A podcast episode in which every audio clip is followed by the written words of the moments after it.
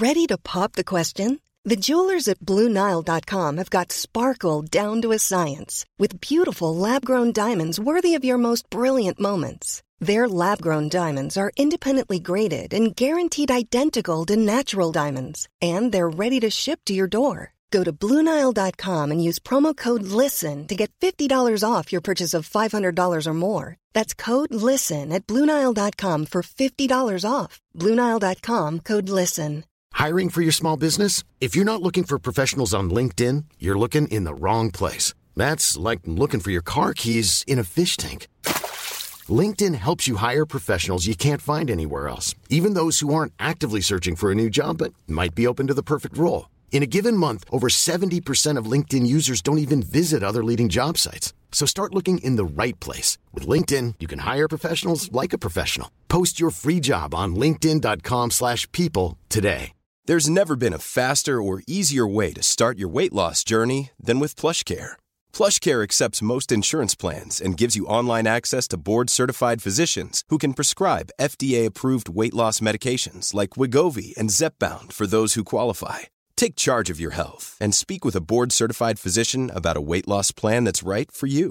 Get started today at plushcare.com slash weight loss. That's plushcare.com slash weight loss. plushcare.com slash weight loss.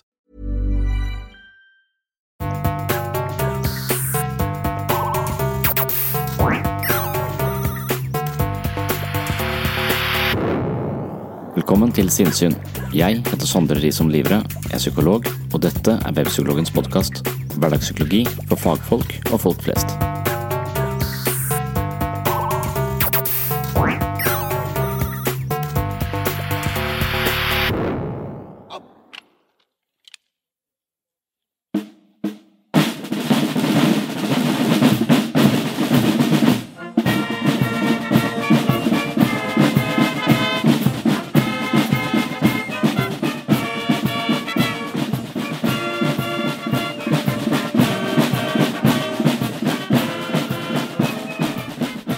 Gratulerer med dagen. Denne episoden publiseres på selveste 17. mai. På denne dagen i 1814 ble Norges grunnlov datert og undertegna av presidentskapet i riksforsamlingen på Eidsvoll. Over 200 år senere feirer vi dagen med pølser, is og potetløp. Det er fascinerende. Det er ikke så mange land som feirer seg selv på denne måten. For de positive og lettsindige er dette en dag full av hygge og hurrarop, men skeptikeren føler at feiringen stinker av nasjonalisme og selvgodhet.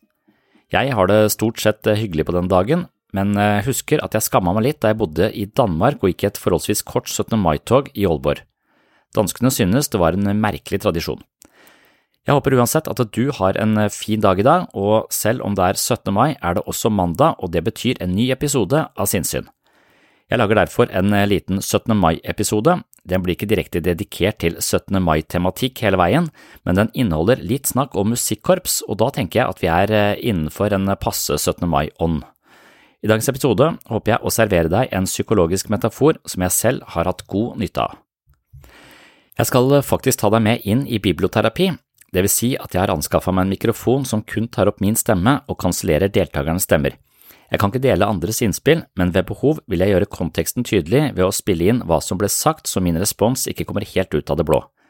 Dagens tema er lidelse og mening, og jeg snakker mye om hvordan jeg betrakter mitt eget indre liv som en skoleklasse. Men i anledning 17. mai kan jeg like gjerne tenke på mitt indre liv som et musikkorps. Jeg kan oppleve at min egen syke er som et kaotisk musikkorps hvor jeg må holde styr på en broket forsamling av musikanter med ulike behov. Jeg er dirigenten, og hvis jeg ikke klarer å styre mitt indre liv på en taktfull og harmonisk måte i musikalsk tempo, blir musikken skjærende og sur, både for meg selv og alle som hører på. Hvis jeg ser på mitt indre liv som en skoleklasse, så tenker jeg at jeg må være den læreren som alle hørte på og alle hadde respekt for. Jeg må være læreren med naturlig autoritet som styrer klassen med en vennlig, forståelsesfull, men også bestemt tone og hvis jeg ikke klarer det, risikerer jeg å miste kontrollen på klassen, og da kan det bli ganske kaotisk. Hva er det egentlig med lærere som har en slags naturlig autoritet og evne til å holde de rastløse elevene konsentrert over lengre tid og dempe konflikter uten å bli rasende? Jeg tror at vi må være en slik lærer i møte med vårt eget indre liv, og jeg tror det kan være vel så utfordrende som det å være klasseforstander for sjette klasse på Bøler. eller leder for musikkorpset som har med seg musikanter fra 8 til 30 år. Å betrakte sitt indre liv som en skoleklasse eller et musikkorps er en metafor jeg synes er ganske nyttig, og når alt kommer til alt er gode metaforer blant de beste psykologiske verktøyene vi har. Selv tenker jeg nok mye bilder og metaforer, og det hjelper meg å utlede ulike aspekter og tilbøyeligheter som ligger i skyggen eller utenfor mitt eget sinnssyn. Av og til er gode forklaringer eller metaforer som en lykt vi kan bruke for å lyse opp sider ved oss selv som hittil har ligget i mørket. Jeg håper at du kan bruke bildene som tegnes opp i dagens episode, og så skal du også få være med inn i biblioterapi. Ideen med disse metaforene er jo at vi ved å ha flere metaforer kan nyansere ulike aspekter ved oss selv, og veldig ofte så har mennesker en følelse av å ha en klump i magen eller bare ha indre uro, og det representerer bare en slags konglomerat av ulike følelser og bekymringer og reaksjoner som man ikke helt klarer å utlede, men som til sammen bare blir en klump som ofte sitter i brystet eller i magen, litt avhengig av hva slags klump det er snakk om. Og jeg tror at eh, metaforene kan eh, være med på å kaste lys over denne klumpen og se at eh, denne klumpen består av mange ulike aspekter, og her har vi ett aspekt, dette er et annet aspekt, akkurat som en skoleklasse består av mange elever med ulike behov, med ulik temperament og med ulike stemmer. Og det å høre alle disse stemmene, forstå disse stemmene, gå i dialog med de ulike stemmene, det er det man må gjøre for å få oversikt over klassen og styr på kaoset. Så det er altså det bildet som eh, går igjen i dagens episode, eller iallfall så kommer det inn i starten av episoden, og etter hvert så kommer jeg til å snakke litt mer om eh, det å forstå lidelse, det å ikke tro at uh, lidelse er noe vi for enhver pris er nødt til å unngå, men at lidelse alltid er der for å fortelle oss noe, og noe som må bli tatt hensyn til, og noe vi er nødt til å forstå for å kunne leve forbi sånne type kriser eller lidelser eller smerte i livet. Så smerte er ikke nødvendigvis noe som alltid er eh, feil. Det er, det er fall ikke feil. Smerte er jo et signal som vi må lytte til, men veldig ofte så tenker vi at smerte er noe vi bør unngå, og når vi febrilsk prøver å unngå smerte ved å ruse oss eller ta masse piller eller eh, jobbe dobbelt så mye, så får vi kanskje smerten vekk sånn midlertidig, men vi lærer ingenting om oss selv. Og jeg tror at det er flukten fra smerten som kronifiserer lidelsen, og at det er flukten fra smerten som representerer psykisk lidelse. Det var det jeg vil si innledningsvis. Da skal du få være med inn i biblioterapi. Det er en eh, torsdag formiddag, og god stemning, vil jeg si. Eh, dette her er utrolig interessante samlinger hvor det dukker opp masse spennende ideer. Men dessverre så kan jo jeg bare spille av eh, min egen stemme, og jeg har også en mikrofon som kun tar opp min egen stemme. Så man kan høre noe rasling i bakgrunnen, som altså er andre deltakere, men de er da underlagt eh, Eller hele, hele gruppeterapien, eller skal si biblioterapien, er underlagt streng taushetsplikt, og derfor så har jeg kun en mikrofon som bare tar opp min stemme. Ok, gratulerer med dagen igjen. Håper du har en fin 17. mai, og håper du har tid til å høre på dagens episode av Sinnssyn.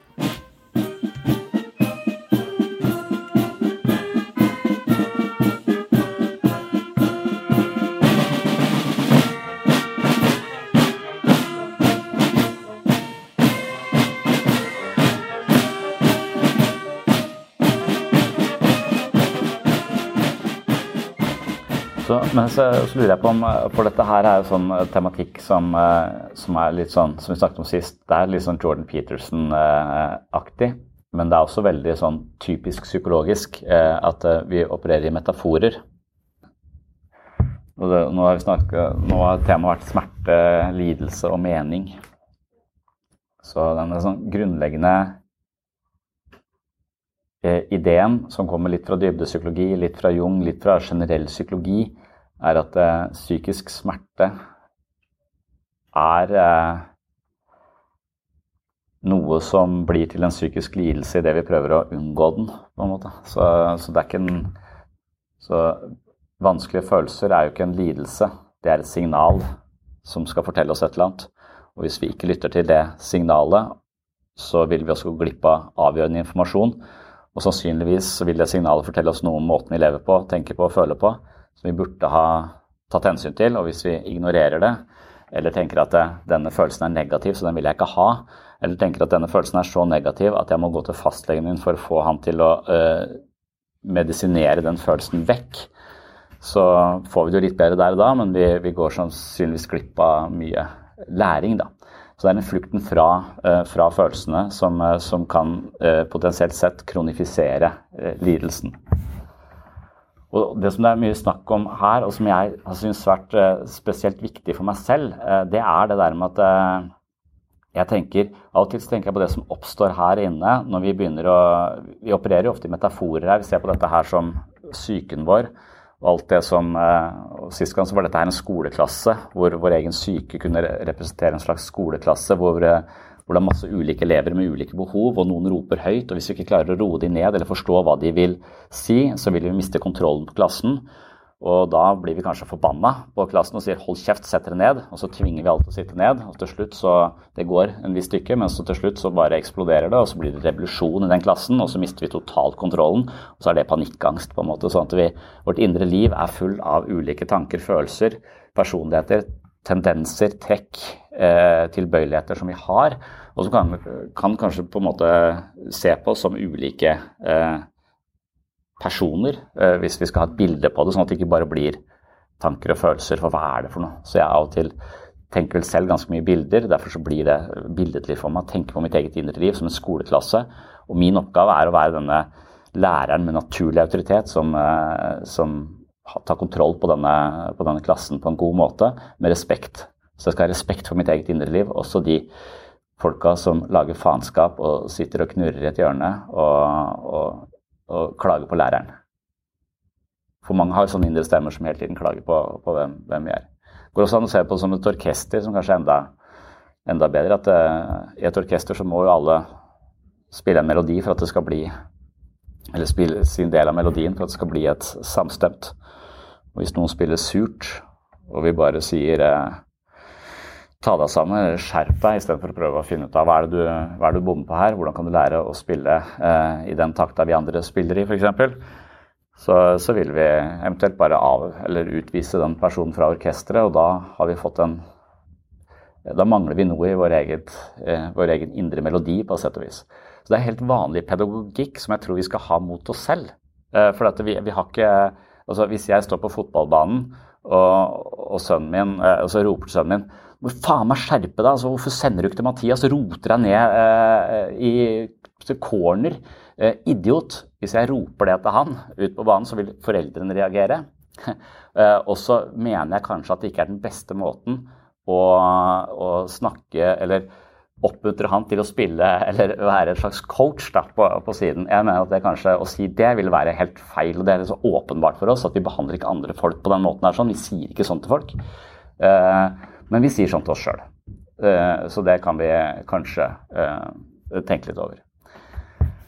Men, men det var liksom oppsummeringa forrige gang. I dag så, så, så, vet jeg ikke hva vi skal snakke om, men det som opptar meg, og som jeg syns er eh, interessant, er dette med eh, at eh, når vi bruker dette som en metafor da, på klasse, eh, vårt indre liv som en skoleklasse, så det, ligner det litt på en drøm. for vi kan kanskje drømme sånne ting at vi er lærer i en klasse hvor vi ikke får kontroll. Da tenker vi kanskje at det handler om at vi er glad vi ikke er lærere, eller eh, et eller annet sånt noe. Men det kan også tenkes at det representerer et eller annet, ulike elementer, eh, elementer ved oss. Så Freud mente jo at vi må forstå denne skoleklassen, vi må forstå vårt eget ubevisste, og det ubevisste det kommer til overflaten gjennom drømmen. Så drømmen er kongeveien til det ubevisste. Og så tenker jeg også, så sier mange ja, men jeg drømmer ikke. Og så nei, men det kan du lære deg. Du, alle drømmer, så, så det er mulig å uh, lære seg måter å huske det på. Men hvis ikke du drømmer, så har vi jo kollektive drømmer. Og det tror jeg er mytologi og historier og fortellinger.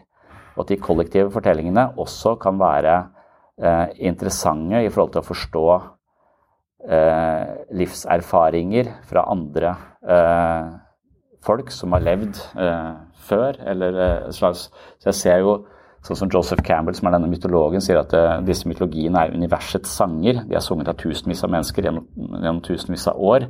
Og det er en slags kulminasjon av det vi har skjønt om det å være menneske. Og så kan noe av det vi har skjønt, være feil, så det kan vi prøve å korrigere for.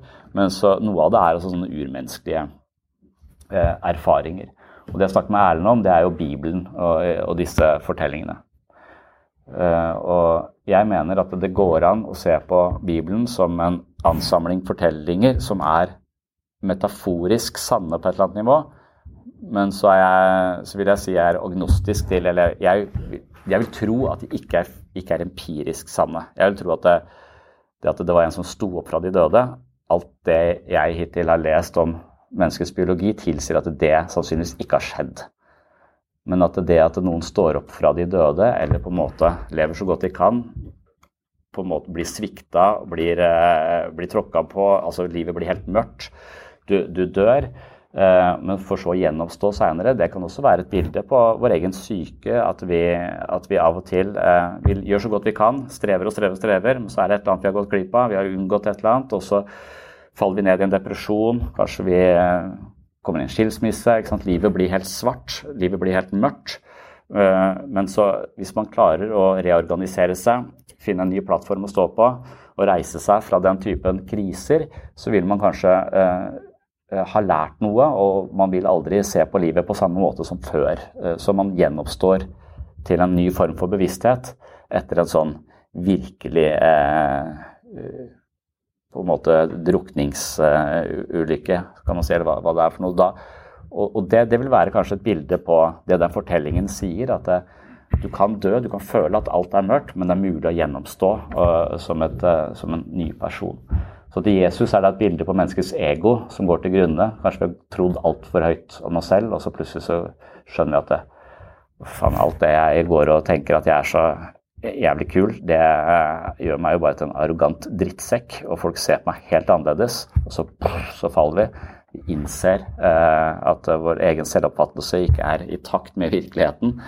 Eh, og, så, må vi bygge oss opp på nytt på en kanskje litt mer ydmyk måte. Og da blir vi kanskje ikke den samme som vi var før vi gikk på den smellen. Så det å lese fortellinger om mytologier eller, eller på den måten, det er kanskje noe som folk har gjort alltid, men som gikk litt opp for meg i voksen alder. Så det å se nå serier på Netflix med disse brillene, at det har en sånn undertekst som også er sånn at det finnes sånne universalhistorier om det å være menneske, og de fungerer som en slags veiledere på det å leve et, et godt liv. Jeg kan lære noe mer enn bare det som skjer på overflaten. Det er ikke alle serier du kan lære noe mer enn det som skjer på overflaten, men gode serier eh, kan, eh, kan lære deg no, noe mer. Jeg tror ikke at eh, jeg, jeg, tror ikke at eh, Seinfeld lærer deg så veldig mye om dybdepsykologi, men jeg tror likevel at Seinfeld hjelper meg i den forstand at de representerer ulike eh, hva skal si, karakterer som jeg kan kjenne meg igjen i, og dermed få et ansikt på et bilde på det, på det også. Så det er jo sånn, og Jeg lurer på om metaforer er det eneste vi har. da altså som psykologisk verktøy. Så hvordan Kjenn etter på følelsene dine. Eller, eh, eller eh, hva, er du, hva, er det du, unngår? Hva slags narrativ er det liksom du har kjørt deg inn i, og hva er det du har gjort feil? Hvem kan vise deg veien ut av det? Du må huske drømmene dine, og så må du finne ut av hva faen betyr de.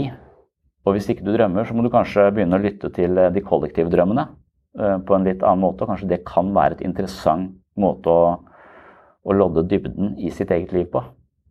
Det, det må være eh, ideen her. Og, på den måten så vil det kanskje bli et metaspill. I motsetning til et objektspill. Eh, som jeg har snakket om mange ganger. Så i gruppa på mandag så, er det en som, som sier Ja, så du tror ikke på, på Bibelen, f.eks.? Og så sier jeg ja, jeg tror på den i den forstand at jeg mener at den kan ha bebo ganske mange metaforiske sannheter. Men jeg tror ikke den nødvendigvis er empirisk sann. Altså, Du tror ikke på noe overnaturlig, du tror ikke på spøkelser. Jo, jeg tror jo i aller høyeste grad på, på spøkelser eh, i metaforisk forstand, men overhodet ikke i eh, empirisk forstand. Men jeg syns jo gjenferd, f.eks., som det har vært mye av nå eh, på halloween, det er jo helt tydelig også at eh, gjenferd er sånne så vidt jeg har forstått, folk som går igjen fordi de har glemt et eller annet, eller har en eller annen sånn uoppgjort OCD, hvor de vil at folk skal flytte den krukka tilbake i vinduet før de kan gå over til andre sida. Så, så, så, det er døde folk med psykiske lidelser som bare er nødt til å få rydda på kjøkkenet før de, eh, før de, går over til en annen dimensjon. Og at det, det, å få de over til den andre dimensjonen er å forstå de lytter. Hva er det du vil for noe? Jo, jeg vil at du skal rydde på kjøkkenet. Ok, da rydder hun der Bendris på kjøkkenet, og så, og så får hun hjulpet de over til den andre, til andre sida. Ellers er de dritforbanna, og så vil de et eller annet faenskap. Eh, jeg vet ikke. Men som regel så er det liksom ideen at du skal lytte til dem og forstå hva de vil, og så hjelpe dem. Og hvis du hjelper dem, så, så får de ro, på en måte. Eh, og det mener jeg jo er akkurat det samme vi bør gjøre med vårt eget indre liv. At der er det masse eh, stemmer og ideer og sånn som er misforstått, og som, som vi er nødt til å lytte til og forstå for å på en måte korrigere eller, eller hjelpe til ro. da. Mens ideen i medisinpsykiatri er at vi bare skal få det vekk. Altså det er feil. Det å tenke på den måten er feil. Eh, det, å, det må fjernes. Det er kanskje litt sånn der, eh, de folka på TV Norge tenker òg. Disse spøkelsene må fjernes. Men hvis det er et bilde på vårt indre liv, så skal de forstås. Uh, ikke nødvendigvis fjernes. Og det hun Hva heter hun? Lill Bendris? Hva heter hun? Lill Bendris, ja. Jeg lurer på hva det, det, hun gjør Hun er jo, hun driver disse åndene over til Eller vekk da, fra, fra, fra huset. Det er forbløffende masse hus til spøker i. hvis du er sånn 20 sesonger. Men, men jeg lurer på om hun, hun, liksom, hun, går inn i sånne familier, og så sier hun ja, jeg hører en mann. Nei, forresten, det kan være en dame. Uh, og så kikker hun litt. Og så, så hun, hun lager en form for narrativ, en form for mening i det som foreløpig var skummelt og uklart. Uh, og jeg lurer på om det er en del av den helbredelsesprosessen til en familie. Hvis hun lager en narrativ ja, ah, det er onkel Erik som, uh, som ikke får ro. Også. Ja, vi husker altså, at det, gjennom henne kan få en slags sånn sorgbearbeiding eller sånn forsoning med et tap. Og så, og så, så på en eller annen måte så fungerer hun som sånn derre åndelig psykolog, nærmest. da, eller hun, hun, driver og hjelper folk å bearbeide ting. Eller så bare lurer de til å tro et eller annet. og så, ja, Nå er onkel Erik endelig fornøyd. Men det, hvis, det er, hvis, det er, det Onkel Erik er jo død, så det spiller jo ingen rolle. Men hvis de tror da at han er eh, nå endelig fornøyd og kommet over til andre sida og skal slutte å plage dem, så får de kanskje en, en, utrolig Kanskje det er veldig meningsbærende da, for dem og deres eh, relasjon til onkel Erik som er borte. Og at det er en måte å forsone seg på og komme videre.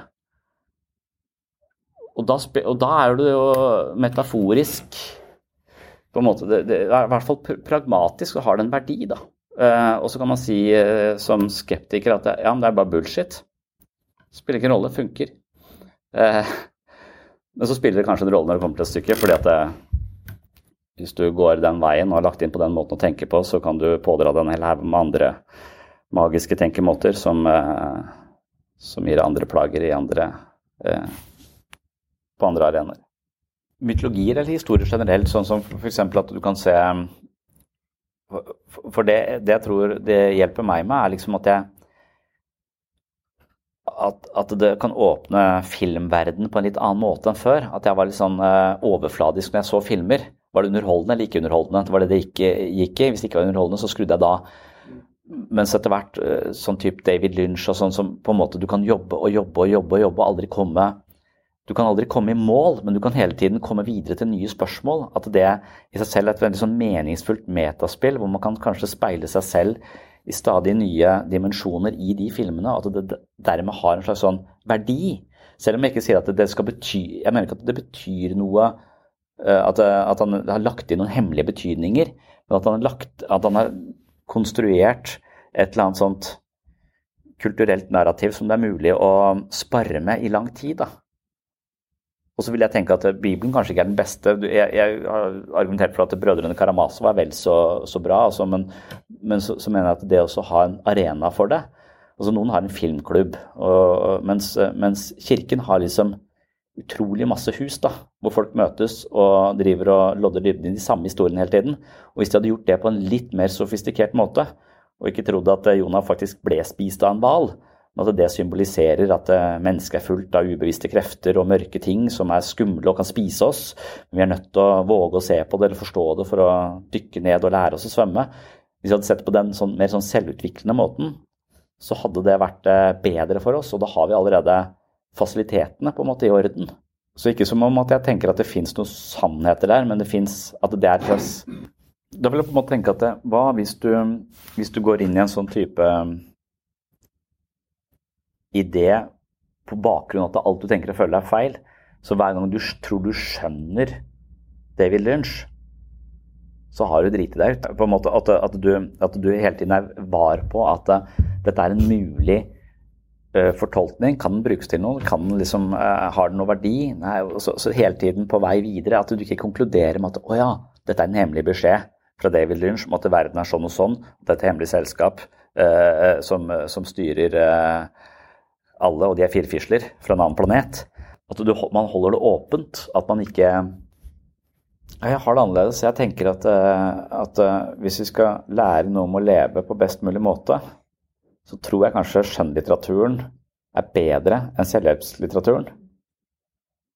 Fordi selvhjelpslitteraturen gir deg gode råd og oppsummerer forskninga, mens eh, skjønnlitteraturen treffer deg et annet sted enn i hodet. og at vi kan ta det Kanskje, kanskje treffer, mer, treffer oss mer i hjertet, og at det har større potensial for for å forandre oss. Så, og noen fortellinger er jo der bare for å skremme deg, sånn at du ikke skal gå for nærme vannet når du ikke kan svømme. For det er nøkken. ikke sant? Så det har sikkert en sånn helt sånn praktisk verdi. Men, eh, men hvis, du, hvis, du, gir folk råd om å drikke tran og forklarer de eh, omega-3 fettsyrer er viktig for eh, hjernen etc., etc., så kan det være du får de til å drikke tran, men det kan for meg så var det å drikke tran var mer forbundet med denne skrekkhistorien om at du får struma, hvor halsen din vokser opp og blå, blir en sånn svær ball, så du blir kvært liksom, av din egen hals. Det bildet det er mer motiverende for meg da, til å, til å drikke. For det, det, treffer meg Det spiller på noe annet enn en, en, gode råd. Men hvis du ikke ser på de gamle historiene, hvis vi bare ser på liksom Eh, bildene som dukker opp i denne gruppa, f.eks. metaforer som en, slags, eh, som en måte å synliggjøre noe på. Altså I gruppeterapi så oppstår det veldig ofte metaforer. Jeg husker en sånn person som uh, sa til en annen du er som et sosialt visklær.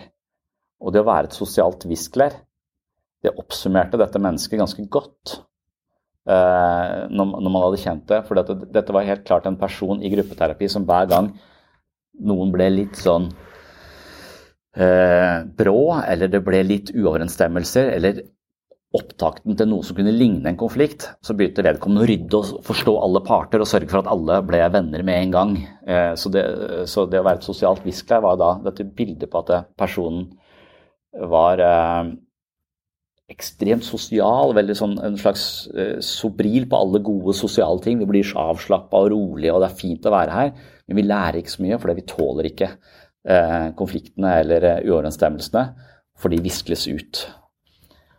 Og et sånt bilde blir ofte liggende i gruppa, og man bruker det og man speiler seg selv ut ifra det. I hvilken grad det er et sosialt viskelær osv. Og det, og det liksom er liksom disse litterære grepene, eller uh, kunstneriske grepene, for å, for å synliggjøre ting for oss som ikke var så synlig Eller kunne, hun kunne fått en tilbakemelding på levereglene. Ja, du, har, du sliter med eh, lite selvhevdelse eh, og frykt for å bli forlatt. Det visste hun også. Men jeg er enig, jeg vet ikke, det Jordan Peterson er opptatt av i forhold til smerte, lidelse og mening, som det var tematikken, så er det jo at disse, mange av disse judeokristne fortellingene har dette innbakt i seg, at du må forstå smerten, tåle smerten, eh, og ikke prøve å flykte fra den hele tiden. Og at han finner liksom det igjen og igjen. Og men du kan godt si at det er jo Ateistene sier at ja, men du kan finne akkurat den samme beskjeden i en kokebok. Altså Du kan jo tolke at tomater er røde og det symboliserer blod, og så, så, kan du lage akkurat den samme narrativen i en helt random tekst uh, i en, koke, en kokebok. Uh, jeg mener at det er uh, feil. Jeg tror det finnes gode historier. Jeg tror det finnes og dårlige historier. Det finnes overfladiske historier, og det finnes dype historier. Og de historiene som blir værende, de som vi kaller klassikere, de tror jeg har noe med ved seg. De er ikke bare klassikere, for det, ofte så har de en eller annen dybde og dimensjon som, eh, som setter de litt eh, i en særklasse, og som gjør de hakket bedre enn eh, mange andre historier. Kan være litt tilfeldig også hvorfor historier overlever, men eh, ja, det er en ting, men, men det du sier altså det, Når jeg sa det jeg skriver en bok, så jeg, jeg tror det er fordi at hvis jeg skal ha lært noe om depresjon, så er det en bok som, som heter 'Darkness Visible', eh, som er skrevet av en fyr som er jævlig deprimert. Og jeg har aldri lest noe så mørkt. og så, Jeg ble liksom fanga inn i den boka. på en sånn, Det var som et mørkt, mørkt rom hvor det nesten var ut, utholdelig å være. Og det ga meg liksom eh, Hvis jeg skulle jeg, jeg ser hva det står i ICD-10 om hva depresjon er, og symptomer. Eh, og du kan score det på Madres, og har du over 34, så er du eh, alvorlig deprimert. Har du under det, så er du moderat. ikke sant? Det, det sier meg ingenting. Men det å bare gå inn i darkness visible, det ble bare helt sånn skjellsettende. Og jeg tror det er den Og det, det også det er nesten som om du prøver andres verdensbilde litt, eller du prøver andres erfaringer. Sånn at, eh, sånn at deres erfaring, så du slipper å gå, gå, inn i et mørkt rom helt aleine eller helt uforvarende, plutselig bare havne der uten noe erfaring med mørke rom. da. Så jeg tror kanskje historiene våre er som et slags sånn psykisk immunforsvar som, som, kan hjelpe oss litt også i sånne, sånne situasjoner. Og vi har, eh, vi har, vært der før, eh, og vi har vært der eh, fordi at vi har en annen har fortalt oss det. Så litt som gruppeterapi kanskje fungerer at du får en slags grunnleggende forståelse for at jeg, jeg er jo ikke så annerledes enn andre. Andre har de samme erfaringene, andre har gjort de samme tingene. Så du får liksom parallelle historier som du kan speile deg i, og eventuelt justere deg etter. Og at bøker og, og, og sånn fungerer akkurat på den måten. Det er som å ta på seg et annet menneskes liv en periode for å, for å sjekke hvordan, eh, hvordan pers det perspektivet ser ut. Og så se om det er noe der åh, den måten, Fra denne vinkelen har jeg aldri sett verden før. Så kan man ta det med seg inn i sin egen, sitt eget liv. Så jeg har argumentert for at skjønnlitteratur er liksom noe, av det, noe av det viktigste. Hvis du skal liksom jobbe med deg selv, så du, må du trene. Må være ute i naturen. Må kanskje gå i psykoterapi, må kanskje lese psykologi, men du må også lese skjønnlitteratur. Uh, må må, da. Men jeg tror det er, jeg tror det er uh, en av de tusen tingene som uh, kan være viktig.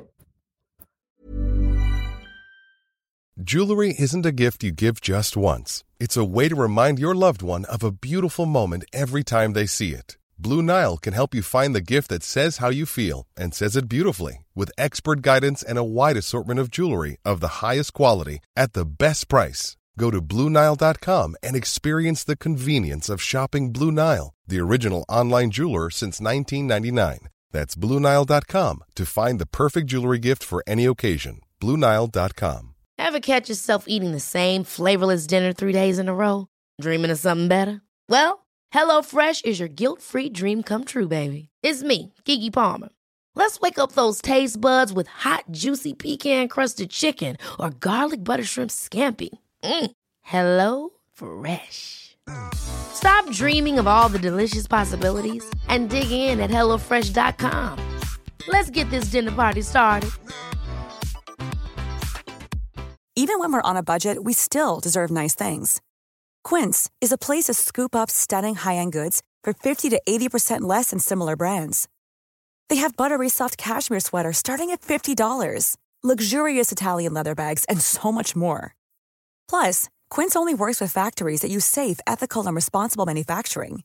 Get the high-end goods you'll love without the high price tag with Quince. Go to quince.com/style for free shipping and 365-day returns. Men du kan si, men jeg, jeg vil si at jeg, jeg, er ikke så opptatt av løssvaret. Altså, jeg mener at det spiller noen rolle her, eh, men at øvelsen har, er en slags mental gymnastikk. Hva betyr rødhette? Det har jeg ikke tenkt noe på. Men, men jeg har hørt Jordan Peterson snakke om, og vi har brukt eksempler med, med Hans og Grete, som liksom, kan være et tydeligere eksempel, og som er mer sånn tett på meg. for at jeg ja, eller Det er en sånn historie som vi har en sånn veldig billedlig bok hjemme om om det. Altså at, at Hans og Grete, der er det en, en, stemor som, ikke, som på en måte ikke vil ha barna, og som vil sette de ut i skogen. Så er det en far som egentlig vil ha de, men han er kua denne stemora. Og så er det en heks der ute, og det er et pepperkakehus. og og, de to skikkelsene representerer denne forelderen som oppfordrer til autonomi. Du må gå ut i verden, klare deg på egen hånd. Det trenger barn. Men, eh, mens eh, de trenger også ivaretagelse og, og bli passa på. Og det er egentlig heksa som symboliserer den overdrevne ivaretagelsen. At du blir pakka inn i et pepperkakehus og bare fora opp på, på karbohydrater. Og, og, på en måte vær her, og jeg skal gjøre deg stor og, og feit, for så skal jeg spise deg. Så det å spise opp uh, barna sine er på en måte å rett og slett frarøve dem all form for selvstendighet og autonomi. Og hvis du bor i en familie hvor foreldrene dine har tatt så mye vare på deg at du har manglet muligheter til å klare deg på egen hånd, så må du dytte foreldrene dine inn i peisen og brenne de opp for å slippe fri.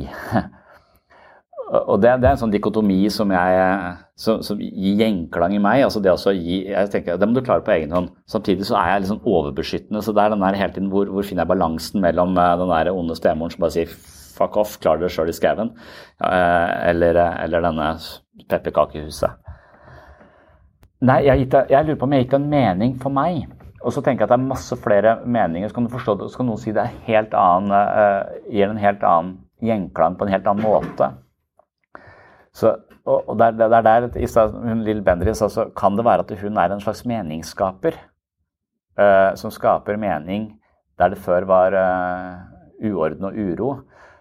Og, og, faren er da at du, du, tror på den meningen fullt og helt, da, for da blir, du, da blir, du låst fast i den fortellingen. Men hvis du klarer å ikke låse deg fast, men se på dette som en slags mental gymnastikk som, som vi driver med, hele tiden nye, uh, nye dybder i nye, nye ting, så kanskje så er det en evig bevegelse. Som er akkurat som, Du kan ikke trene, du kan ikke gå på helsestudiet og si at ja, nå skal jeg bli sterk, og så trene i 14 år, så er du ferdig med det. Du må jo trene hele livet. Eh, og Sånn er det kanskje mentalt også, at dette er en type treningsøkt for mentale, mentale muskler. Og Så, og hvis du er flink til å skape nye meninger, så mener jeg at det kanskje er en form for mental fleksibilitet som er helt altavgjørende for psykisk helse. For da låser du deg ikke fast til én. Så når, når, vi så på han uh, Darren Brown, som jeg også snakket om, han der uh, Husker du han uh, når han hadde de syke showa sine på Netflix? Push, f.eks. Det er en ting. ikke? Han, han, mener at han kan pushe på alle de knappene menneskene har, og så, og så gjøre de til en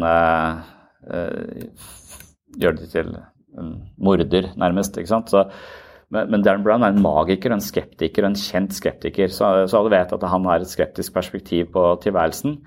Og på et av showene sine så, så drev han også med dette eh, med, med, healing.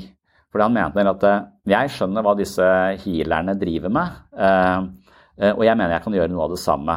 Og så sa han hva var ideen din om dette her i forkant? I utgangspunktet så tenkte jeg bare at når jeg har disse svære sceneshowene mine, og jeg tar ett lite menneske opp på denne store scenen, så vil adrenalinet i den eh, personen være så høyt, og adrenalinet er smertestillende, så vedkommende vil oppleve smerte og, få det bedre bare ved å være på scenen. Så allerede der så har jeg nok klart oppgaven som jeg har sett meg fore. Han var ikke så bekymra for det. Han tenkte at det Eh, og så driver han og healer masse folk opp på scenen, vel vitende om at han ikke er noe prest eller noe healer eller noe som helst sånt noe. Eh, eh, og så får han masse mail i etterkant og sier 'fuck you, du trodde du bare lurte meg frisk, men jeg er fortsatt frisk, jeg, så bare faen ta deg'.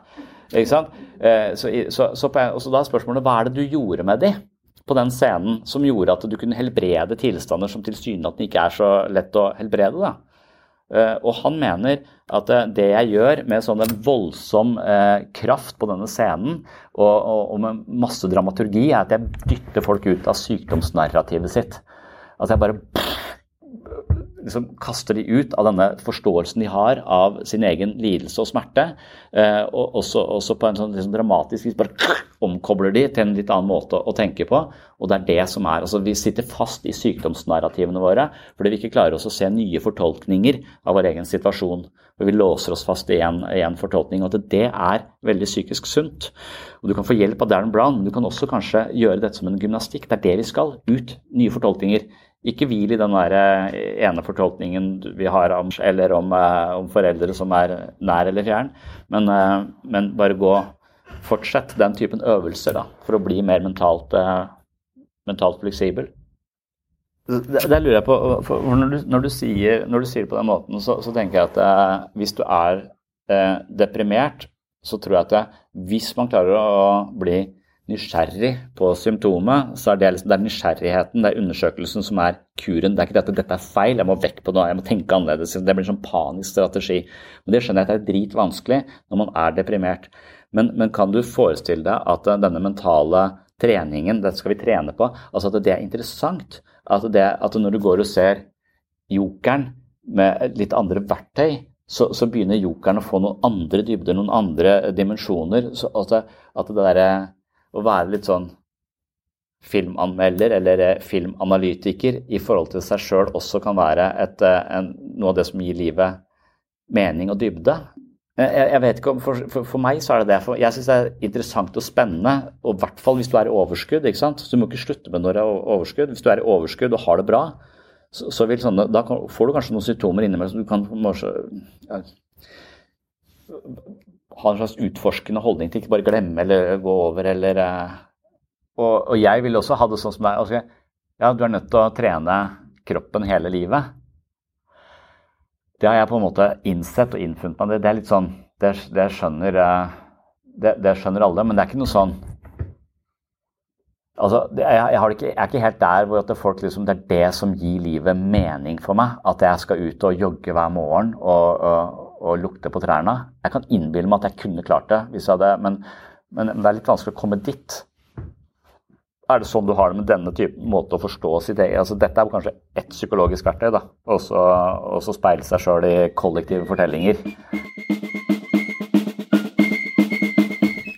Her blir det nevnt at det, det kan være litt slitsomt å skulle lodde dybden i seg selv hele tiden, og at det er en sånn mental gymnastikk som man er nødt til å gjøre hele livet og jeg sammenligner det da med trening som man også er nødt til å gjøre hele livet. Og så er man jo på forskjellige eh, Man har et forskjellig utgangspunkt, sånn at noen har det utrolig kjipt, er på et veldig mørkt sted, og da er jo ikke verken trening på helsestudio eller det å lodde så mye dybde i seg sjøl noe som eh, er spesielt attraktivt når alt er bare helt mørkt, og det er en full forståelse for, for det, sånn kjenner jeg det også selv.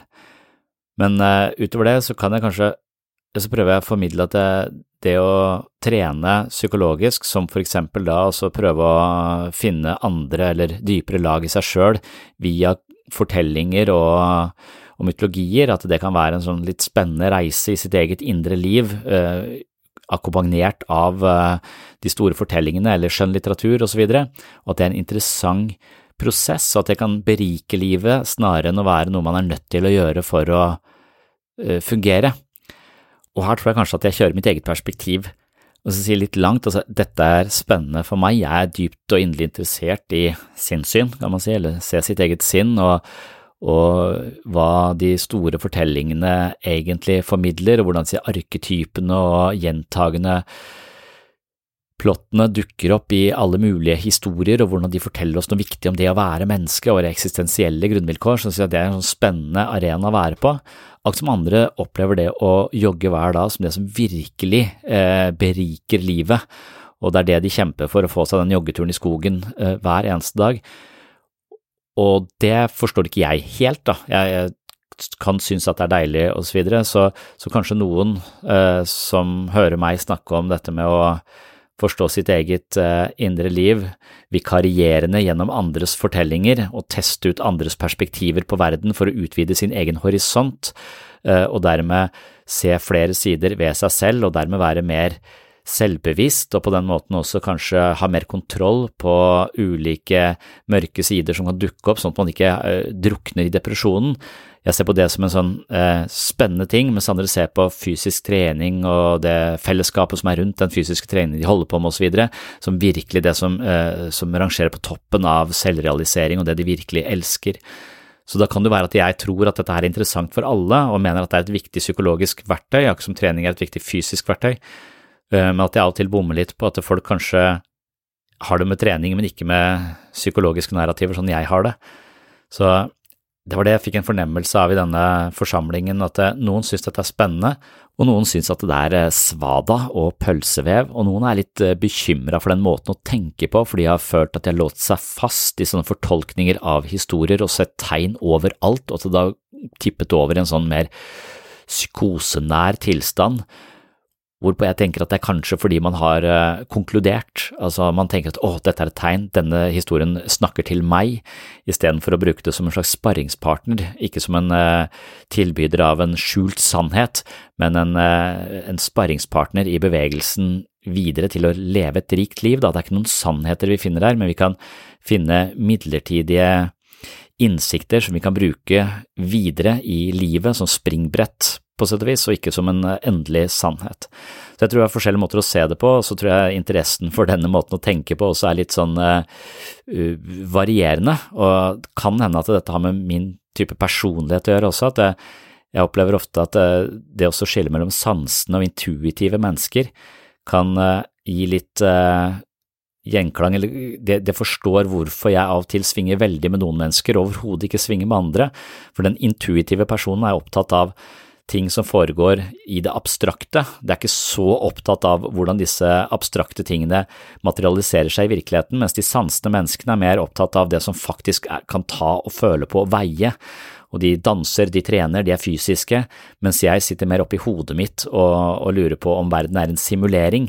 Og når jeg snakker om verden er en simulering, så kan det være at folk eh, er, som er veldig sansende, dauer etter ca. ett minutt. Eh, altså, det her skjønner jeg ikke, nå skjønner jeg ikke hva du snakker om, kan vi kan vi gå ut? Eh, så, mens når de begynner å snakke om disse tingene som er helt nede på jorda, så, så begynner jeg å space, space, ut. Så det er en forskjellig modus, og da kan det tenkes at denne interessen for disse denne mytologien og disse fortellingene eh, og det, det, mer abstrakte hører til en type personlighet ifølge den Meyer-Briggs-testen og, og, ligger mindre naturlig for andre.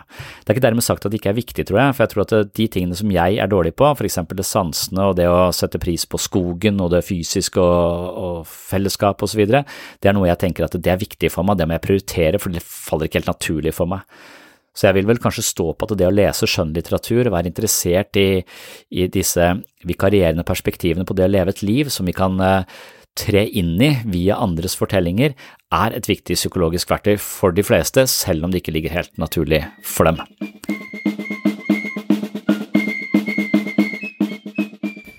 psykisk smerte blir jo ofte til fysisk smerte. altså at uh, Angst blir til hjertebank. og Hvis vi ikke klarer å håndtere det psykologisk, så blir det jo fysiologisk, så, så, det er en klar forbindelse. Men, men sånn som du sier, altså, det er der jeg lurer på I og med at det fysisk smerte, den kjenner du i ryggen, den er der. Den er liksom noe. Mens den psykiske smerten er i mindre grad noe. Uh, og det er der jeg mener Da er metaforene et verktøy. For metaforene gjør det til noe. Det som tidligere bare var tåke, eller ubehag eller uro, La oss si det du, det du snakker om nå, altså, det er så mye smerte. Uh, en av de bøkene som liksom har satt seg fast i meg, er bildet av Dorian Gray. Uh, som ja, Oscar Wilde uh, har ikke skrevet så mye, men han skrev en sånn lengre skjønnlitterær bok om bildet av Dorian Gray. Og Dorian Gray er sånn en fantastisk vakker person. Da. Han er, en, han er liksom det vakreste du, du, har sett noensinne. og så er det en sånn maler som tenker å fy faen, du er det peneste jeg har sett, jeg må male deg. Og Så maler han et bilde av Dorian, og så treffer Dorian det som livet, i kraft av en sånn kyniker som heter Henry, og som på en måte lærer han å leve i sus og dus og utnytte utseendet sitt og få alt han vil. ikke sant? Leve overfladisk og litt sindig og ganske umoralsk. Mens dette bildet det blir på en måte, istedenfor at det er bare et vanlig bilde av han, så er det egentlig en slags blåkopi av sjelen hans. Så det bildet, hver gang han lever på måter som er eh, lettsindig og gøy der og da, men han skader andre, han driter i folk og sånn, så forderves sjelen hans. Så bildet blir bare styggere og styggere og styggere. Og styggere. Og det han gjør med bildet, er å sette det på loftet og gjemme det, så ingen skal få se dette bildet. For det er på en måte sjelen hans, så kan han fortsette å leve. Han, han eldes ikke, han blir bare like vakker hele livet. Han er bare går rundt og er bare helt konge, liksom. Eh, mens det bildet det blir bare styggere og styggere, og til slutt så klarer du ikke å se på det, for det er så, eh, så, så jævlig. Det, jeg, det, tenker jeg av og til som, et, som, en slags metafor på ja, noen ganger så gjør jeg ting som er eh, dårlig gjort. Jeg kjefter mye. ikke sant? Og, og jeg vet at, jeg, jeg kan bare ignorere det og fortsette å leve sånn. Eller jeg kan se åh, nå må jeg, nå må jeg leve litt annerledes for at det bildet ikke skal uh, bli Altså, jeg kan leve annerledes, og for, for hvis han gjorde gode ting, så, så endra bildet seg positivt. Så det, det, bildet, det var jo speilbildet på hans sjel, på en måte. Ja, jeg syns det der temporære i det er veldig viktig å huske på, som du nevner, liksom at dette er eh, Sånn er det nå, eh, men, eh, men, men, livet er jo fullt av eh, problemer som skal løses. Og hver gang vi har løst et problem, så har vi ikke kommet i mål. Vi har bare fått ti nye som regel som, som skal løses. Så vi kan løse ett problem, og så, og så, vil det dukke opp eh, Hvis du løser ett problem med skilsmisse, så, og du har barn, så får du i hvert fall ti nye eh, problemer du skal, skal, løse rett etterpå. Så, så, sånn vil hele livet, livet, på en måte være. Og, og se på det som et eh, små escape room, hvor her er det eh, ganske vanskelig. Her må jeg finne noen nøkler for å komme ut. Eh, men, men, du vil på et eller annet tidspunkt komme ut. Du vil slippe ut. altså Det er ikke, ikke fastlåste ting. Og så, og så kan man ønske seg kanskje et liv uten sånne type utfordringer, men det vil bli et kjedelig liv.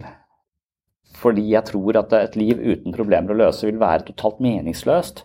Altså Hvis alt gikk på skinner, og alt bare var, uh, var greit hvis, jeg, jeg, tror ikke, jeg tror ikke på paradis, liksom. For at et paradis altså, Alt som føles bra, må jo stå i forhold til en innsats du har gjort, eller, eller, noe du har klart, eller noe som har vært smertefullt og vanskelig. Sånn, sånn, at, det, sånn at livet alltid har de elementene for, å, for, at det skal være meningsfullt å leve. Det er derfor smerte, lidelse og mening er, er teksten. Altså mening. Jeg, jeg, tror hvis livet blir for enkelt, så blir det meningsløst. Og jeg tror kanskje at det vil være den største lidelsen til moderne mennesker. At de kjemper for lite for å oppnå noe. Så, så jeg bare ser på liksom ja, at jeg bekymrer meg for barna mine på den måten at alt er så lett tilgjengelig for dem. Så de måtte ikke eh, ha sommerjobb på jordet når de gikk i fjerde klasse for å plukke stein, for så å kjøpe den siste kassetten til Raga Rockers, og så sitte og lytte til det om og om, om igjen og se hvor fantastisk det var, på en måte. Det, det, ikke, det, ikke, det, driver ikke de med. Barna mine er, hvis de, de er hjemme og prøver å ringe meg, men jeg jeg satt de ut i, ut i hagen for å se om de klarer å rake en halvtime, så skal de få 800 Robucks eh, til et eller annet spill på eh, så, og, og, og, jeg ser at det, som regel så har de bare har de det de trenger på den iPaden. Men nå har jeg satt grenser for Nå får de ikke så mye på den iPaden, de er nødt til å gjøre noe for det. Men det, når, de, når, de, da får det, så har det mye større verdi. Det er ikke bare sånn Fuck, jeg fikk det der. Eh, altså, og, men det er jo sånn enkelt, du må jobbe, jobbe for ting. Men det er altså at når ting virkelig har vært vanskelig for deg altså Odyssevs er jo den liksom eldste historien. Ingen vet hvem som har skrevet den. Homer. Hvem var Homer? vet du faen. Men i hvert fall, det, at det hadde ikke vært noen historie hvis ikke det hadde vært et eller annet uh, sjuhoda monster uh, på den ene sida og noe annet faenskap på den andre sida. Dette stredet som de skal igjennom. ikke sant? Det er jo og, og det var sikkert ikke sånn superkult å være i den passasjen med Karybdis der og Skylla der, altså monster på hver side. Det oppleves sikkert som et helvete. Tenker. Nå er min siste time kommet. Men så faktisk så klarer han det å binde seg fast i masta og bla, bla. Alt det han gjør. ikke sant? Og så kommer han tilbake til Itaka. Så det er jo liksom et bilde på at eh, livet vil oppleves som et helvete fra tid til annen. Men hvis du da klarer å manøvrere skuta di gjennom det, eh, så har du et innholdsrikt liv. Uh, og, det er på en måte å glorifisere smerten, kanskje. Men, men man kan jo si at hvis du ikke møter noe smerte, så er det ingen som skriver noen bøker om deg, i hvert fall. Altså, ja, Det var en fyr som vokste opp der og der, hadde alt han trengte, gjorde det og det, blei uh, ingeniør, gifta seg Men eh, det skjedde ingenting. Var ikke dritings i Thailand engang. Det er det minste, tenker jeg. Gjort et eller annet idiotisk i Thailand. Hvis ikke, så er du så, så har du et så, så blir livet kjedelig. Så, så, man kan jo forestille seg at det smerte og, og, lidelse opp til et visst nivå som du klarer å håndtere. For det kan jo bli så mye at du går til grunne. Da dauer du, på en måte. Det kan det bli. Det er risikabelt. Men hvis du får dårlig kort og får mye faenskap, men likevel klarer å manøvrere det, for en historie det blir. Det, det, er det som er hero with a thousand faces, som vi nevnte med, med altså at det fins tusen sånne eh, heltehistorier. Og noen ganger når jeg, står i, når jeg opplever selv at livet mitt er ganske vanskelig, så, jeg, så lager jeg et slags mentalt bilde av Odyssef. Uh, for, det, for at det, uh, det, at jeg skal ha så mye angst nå, bare fordi at jeg er i en uh, situasjon som er helt ufarlig, det virker så teit. Men hvis jeg ser for meg at, at rektoren på den andre siden av bordet jeg må til, til rektor med dattera mi, at det er karybdis f.eks., så blir det litt mer eh, forståelig hvorfor jeg reagerer så voldsomt. For våre liv er jo ikke fulle av monster, men de er fulle av Nav og Lindorf og alt mulig sånt annet som, som ligner på, på, monster. Og så lurer jeg på meg, kan den, kan den handle om at uh, en type psykisk forsvar er også type dagdrømming, eller en, at hvis man har hatt det ganske jævlig, så det, finnes det mennesker som flykter inn i en slags mental virkelighet som er vesensforskjellig og annerledes enn den, den faktiske virkeligheten. Sånn at vi har to parallelle Altså, jeg møtte en gang en jente som, som, på en måte levde 90% av livet sitt i en, en, vanvittig virtuell verden i sitt eget hode. Hun hadde en, en, fantasi. så Der kunne hun leve hele tiden. Hun måtte bare ut i denne virkeligheten for å gi barna mat. på en måte. Det var det eneste. Eh, og, det var ingen grunn for henne til å leve i denne verden når hun hadde dette enormt rike indre, eh, indre livet. Eh, og problemet med det, det det, dagdrømming er en type, det kan være et psykisk forsvar. Man må forsvare seg mot virkeligheten og skape en skanse mot virkeligheten og bor her inne. Og eventuelt bli fanga her inne av fortellinger som ikke nødvendigvis du har kontroll på eller er hyggelige, men som bare rammer deg og, og drar deg, så du kan bli fanga i denne fiktive virkeligheten. Da, da, har du ganske mye kontroll. Du kan konstruere eh, en slags eh, verden. Og så lurer jeg på om psykisk sunnhet handler om en slags opplevelse at vi nettopp kan gjøre det i den virkelige verden. At vi, har, at vi, på, på sett, vi kan ikke kontrollere alt, men vi kan være medforfattere på en måte av vårt eget liv. Så måten vi forstår oss selv og måten vi tilskriver ting mening på, det blir helt avgjørende for hvordan vi lever, eh, lever livet. Så den prosessen du gjør i spillet, som blir veldig konkret igjen, den er også mulig å gjøre i livet for øvrig. For, for, nettopp fordi det kommer an på hva slags valør vi tillegger ting. Eh, hvordan Placeboeffekten er det at hvis, du, hvis, jeg gir deg morfin, og du ikke veit at det er morfin, så må du ha dobbelt så mye for å føle smertestillende. Hvis du vet det er morfin, så har du en forventning. Du fortolker handlingen om å få morfin som en slags smertestillende eh, behandling, og så vil det ha smertestillende effekt på halv dose av den du måtte ha hatt hvis ikke. ikke så, så vi, er, vi, vi, vi, er, jo også medforfattere av hvordan vi opplever og skaper våre egne verdensbilder til en viss grad. Det der er jeg litt sånn usikker på, for jeg tenker at det, hvis, du, hvis du har vokst opp uten omsorg, så har du på en måte ikke noe operativsystem som du kan bruke for å omgås i livet. Så du øh, ruser deg, du har ikke noe, fått noen som har speila deg, du syns følelsene overvelder deg, du har ikke noe kontroll. Så du har ikke noe operativsystem som kan ta imot alle signalene og organisere dem for deg. Og da vil ofte det å få et ferdig operativsystem som allerede er lagd altså Kristendom er et ferdig operativsystem. Du skal følge de reglene, gjøre sånn, tenke sånn, det sånn. sånn. Så får du det installert. Og det er kanskje bedre enn å ikke ha noe operativsystem. Men det er der jeg mener at det operativsystemet må vi også på et eller annet tidspunkt si at ok, nå har jeg en viss balanse her. Men det er en del bugs i dette operativsystemet. For det første så tror jeg på disse fortellingene som om de er bokstavelig talt sanne. Det er de nødvendigvis ikke. Så kan du langsomt begynne å bli din egen eh, systemoperatør og lage og vokse inn. og Så kan du ha det som baseline, og så kan du være kristen på utrolig ganske mange sofistikerte måter som er mye mer hensiktsmessige og psykologisk sunne enn å tro at du havner i helvete eh, og Gud ser deg hele tiden. Eh, og ikke tenk på det, eh, for da, da havner du i hvert fall i helvete. Hvis du har den typen operativsystem, så blir du sikkert like sjuk som uten operativsystem, nesten sagt. Men, men det, jeg tror nok noen som Altså, vi, vi, trenger et operativsystem, og så trenger vi langsomt å modifisere det hele tiden. Vi må oppdatere, altså Mobilen vår må oppdateres hele tiden. Hvis ikke så kommer den til å henge seg til slutt. Og det gjør jo mennesker også. Og derfor så, så tenker jeg det er det, så Trening er én ting, men det er egentlig bare å oppdatere operativsystemet sitt. Altså Nå har jeg alltid tenkt meg selv sånn, men det kan være at jeg har det fordi jeg hele tiden har eh, blitt fortalt at det, det er sånn og sånn. Kanskje det, det er en eh, sannhet jeg har levd og, og gjort virkelig, men, men, som egentlig ikke er uh, nødvendigvis trenger å være skrevet med stein. Jeg tror barna mine er i ferd med å drepe hverandre, så jeg er nødt til å eh, Kanskje en er død allerede, faktisk.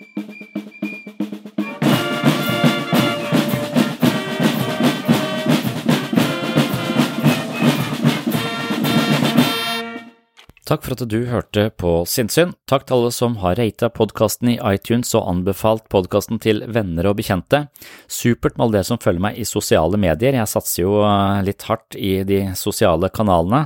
Har ikke så mange følgere på Instagram, så der kan jeg godt tenke meg noen flere. Så hvis du er på Instagram og er interessert i små shots av sinnssyn, og jeg oppsummerer i korte trekk ulike episoder her fra hovedpodkasten, så må du begynne å følge meg på Instagram eller eh, like Webpsykologen på Facebook. Du kan også følge meg på Twitter eh, og på YouTube. Dagens tema, som altså var dette interne musikkorpset ditt som du må ha en viss kustus på for å ikke ha et uh, kaotisk uh, mentalt liv. Det er en tematikk jeg har eh, snakket om i en episode på patron.com for segs sinnssyn, som er dette stedet hvor du kan støtte denne podkasten. Jeg setter jo stor pris på mine patron-supportere, og hvis du syns at eh, metaforen om et indre musikkorps eller en indre skoleklasse var brukbar, så går jeg mer i dybden på dette i en episode på Patron. Jeg tror det er episode 22-23 rundt der et sted, på patron.com for segs sinnssyn. Og som Patron-supporter så får du masse ekstra episoder av Sinnsyn hver eh, måned. Ikke masse hver måned, men du får, også, du får masse episoder, for det ligger et stort bibliotek der som du får tilgang til. Eh, og jeg publiserer da flere episoder der hver måned, så hvis du har mer sinnssyn hver måned, så er det mulig å bli Patron-supporter. Og hensikten er altså at eh, du eh, finner verdi her på sinnssyn og ønsker å støtte det med et selvvalgt beløp i måneden, og som takk for den støtten så får du også en del ekstramateriale.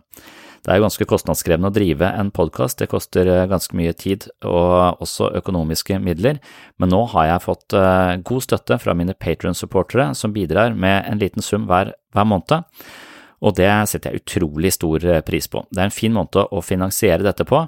Jeg ønsker jo å nå ut til så mange som mulig, så jeg synes at podkasten skal være gratis. Flest mulig mennesker skal ha muligheten til å høre på dette her. Det er veldig mange som gjør det nå, synes jeg er kjempegøy. Men eh, det å ha en viss form for eh, inntekt også, som gjør at jeg kan eh, prioritere dette prosjektet, det er også litt avgjørende for å holde hjula i gang. Og du som er Patron-sporter, det er du som hjelper meg å holde hjula i gang, så tusen hjertelig takk til deg. Og dere andre som har gitt tilbakemeldinger iTunes osv., dere er også veldig viktige bidragsytere, så det er mange måter man kan støtte dette prosjektet på hvis man synes det er verdifullt og man finner verdi her på podkasten. Takk for følget, Takk for eh, interessen. Da håper jeg å komme tilbake med en ny episode om ikke så lenge. På gjenhør!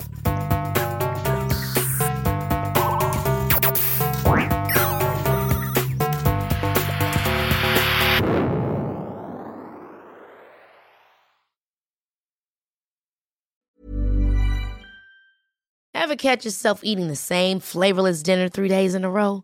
Dreaming of something better? Well, HelloFresh is your guilt-free dream come true, baby. It's me, Gigi Palmer. Let's wake up those taste buds with hot, juicy pecan-crusted chicken or garlic butter shrimp scampi. Mm. Hello Fresh. Stop dreaming of all the delicious possibilities and dig in at HelloFresh.com. Let's get this dinner party started. Planning for your next trip? Elevate your travel style with Quince. Quince has all the jet setting essentials you'll want for your next getaway, like European linen, premium luggage options, buttery soft Italian leather bags, and so much more. And is all priced at 50 to 80% less than similar brands. Plus, Quince only works with factories that use safe and ethical manufacturing practices. Pack your bags with high-quality essentials you'll be wearing for vacations to come with Quince. Go to quince.com/pack for free shipping and 365-day returns. Imagine the softest sheets you've ever felt. Now imagine them getting even softer over time. That's what you'll feel with Bowl and Branch's organic cotton sheets. In a recent customer survey, 96% replied that Bowl and Branch sheets get softer with every wash. Start getting your best night's sleep in these sheets that get softer and softer for years to come. Try their sheets with a 30-night guarantee. Plus, get 15% off your first order at bowlandbranch.com. Code BUTTERY. Exclusions apply. See site for details.